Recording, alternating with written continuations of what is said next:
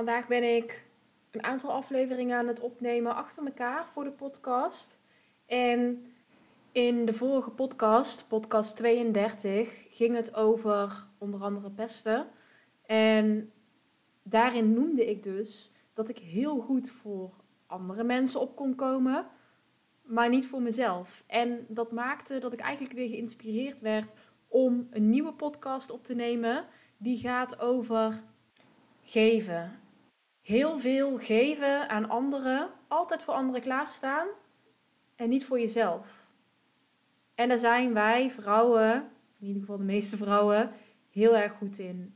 Altijd maar rennen voor anderen, zorgen dat het voor anderen allemaal goed is en er zelf aan onderdoor gaan. En gelukkig heb ik nog niet echt zoiets meegemaakt waarin dat ik echt compleet overspannen raakte. Maar ja, in mijn omgeving heb ik wel meerdere mensen die ik ken die of overspannen zijn geweest, een burn-out hebben gehad, wat dan ook. En als ik dan bijvoorbeeld ook denk aan de theatershow van Michael Pilarczyk, die zei ook: iedereen gaat in zijn leven te maken krijgen met een burn-out. Of het nou een heel klein burn-outje is of echt een fikse burn-out.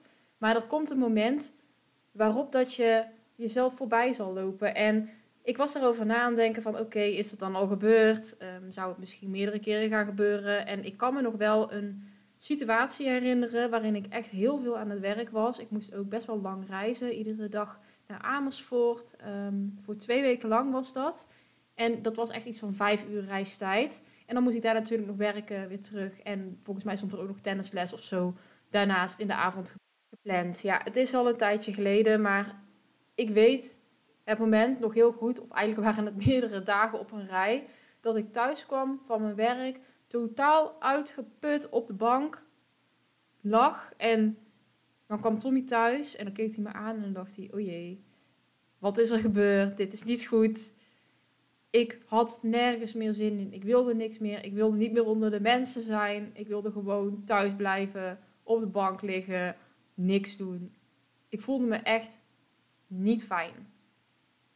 En ja, ik denk toch wel dat dat mijn kleine burn-outje was. Achteraf gezien. En ik was ook heel blij dat het maar twee weken duurde totdat ik weer gewoon in Eindhoven kon gaan werken in plaats van Amersfoort. Ik wist dat het voor een kleine periode was. Dus ja, op, op zich dacht ik ook wel, oké, nog even doorzetten, nog even doorzetten. Maar zo ging het best wel vaak ook. Dat je dan denkt, oké, nog even doorzetten, overwerken. Gelukkig kwam dat niet heel vaak voor. Maar er waren wel periodes waarin ik dacht: oké, nog een paar weken. Ik heb straks vakantie. Ehm, het komt allemaal wel goed. Dadelijk heb ik vakantie. Dus dan kan ik weer uitrusten. En vervolgens was het dan vakantie. En dan moest ik eerst een week bijkomen van mijn werk. Voordat ik daadwerkelijk kon gaan genieten van die vakantie. Ik zei nergens nee tegen. Ik deed alles. En het liefst ook zo snel mogelijk. Als dat iemand vroeg: hey, kun je dit doen? Dan was eigenlijk mijn doel om het dezelfde dag nog te kunnen afleveren. Of bij wijze van spreken hetzelfde uur nog. En als het dan ook nog zo is dat jij constant kunt leveren, je zegt nooit nee, dan blijven mensen ook constant vragen van, hey, heb je even tijd? Want het lukt je allemaal.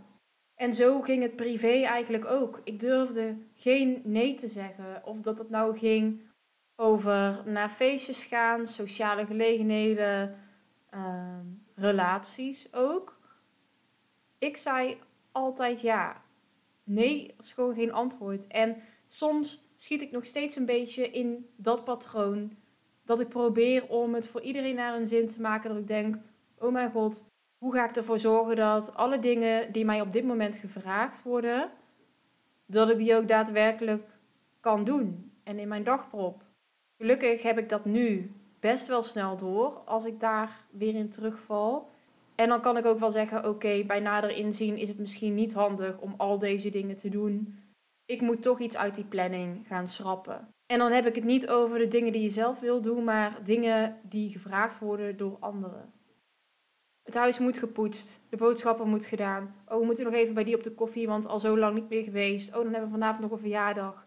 Oh, en morgen, ja, dan is er zo'n leuk festival. Misschien moeten we daar ook nog eventjes naartoe gaan dat soort dingen, daar ga ik echt niet goed op. Ik heb sowieso tijd voor mezelf nodig. Dus wat ik echt heel goed probeer te doen, is van de twee dagen in het weekend, zaterdag, zondag, wil ik er eigenlijk eentje vrij houden, zodat ik op dat moment kan bepalen: oké, wat ga ik doen? Heb ik hier zin in? Is het op de dag zelf het antwoord ja? Nou, dan ga ik gewoon. Heb ik wat meer tijd voor mezelf nodig? Ook prima. En ik weet het, voor de mensen die iets organiseren, zal het soms ook wel irritant zijn dat je geen antwoord krijgt of dat iemand wel of niet komt. Maar ja, op deze manier werkt het voor mij het beste en dat is dan op dat moment wat belangrijk is. En het klinkt misschien heel egoïstisch, hè? Bijvoorbeeld, iemand geeft een verjaardag en je laat niet weten of je wel of niet komt. Kijk, dat soort dingen, dat doe ik wel. En dat zijn dan ook wel de dingen die vast in de agenda staan. Maar stel, ik zou zaterdag een verjaardag hebben en er is iemand in de vriendengroep die zegt: hey, wij hebben deze week het zwembad opstaan. Heb je zin om zondag langs te komen? Um, laat dan weten, je bent van harte welkom. Dat is even een echt scenario van deze week.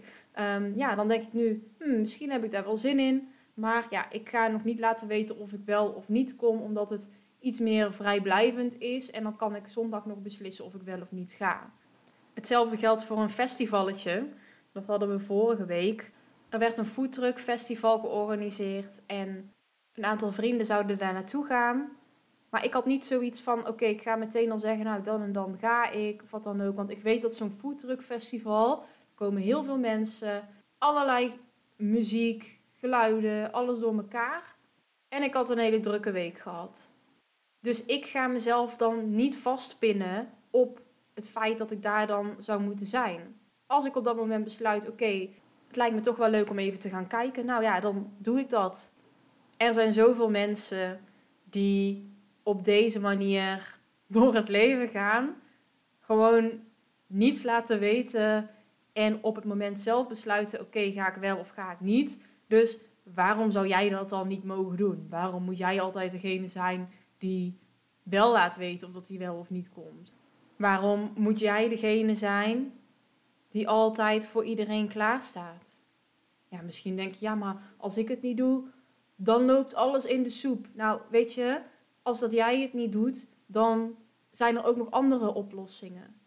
We denken heel vaak dat zonder ons alles in de soep loopt. Maar uiteindelijk, als puntje bij paaltje komt, valt het allemaal best mee. We kunnen van een mug een olifant maken in ons hoofd, maar dat heeft helemaal geen zin. En mochten er dingen zijn die wel echt op jou aankomen, bijvoorbeeld wanneer dat je voor iemand moet zorgen, weet dan dat je daar ook hulp in mag vragen. Of het nou professionele hulp is, of hulp van familie of van vrienden. Je hoeft het niet allemaal alleen te doen, ook al voelt het alsof jij de enige bent die op dat moment voor die persoon kan zorgen.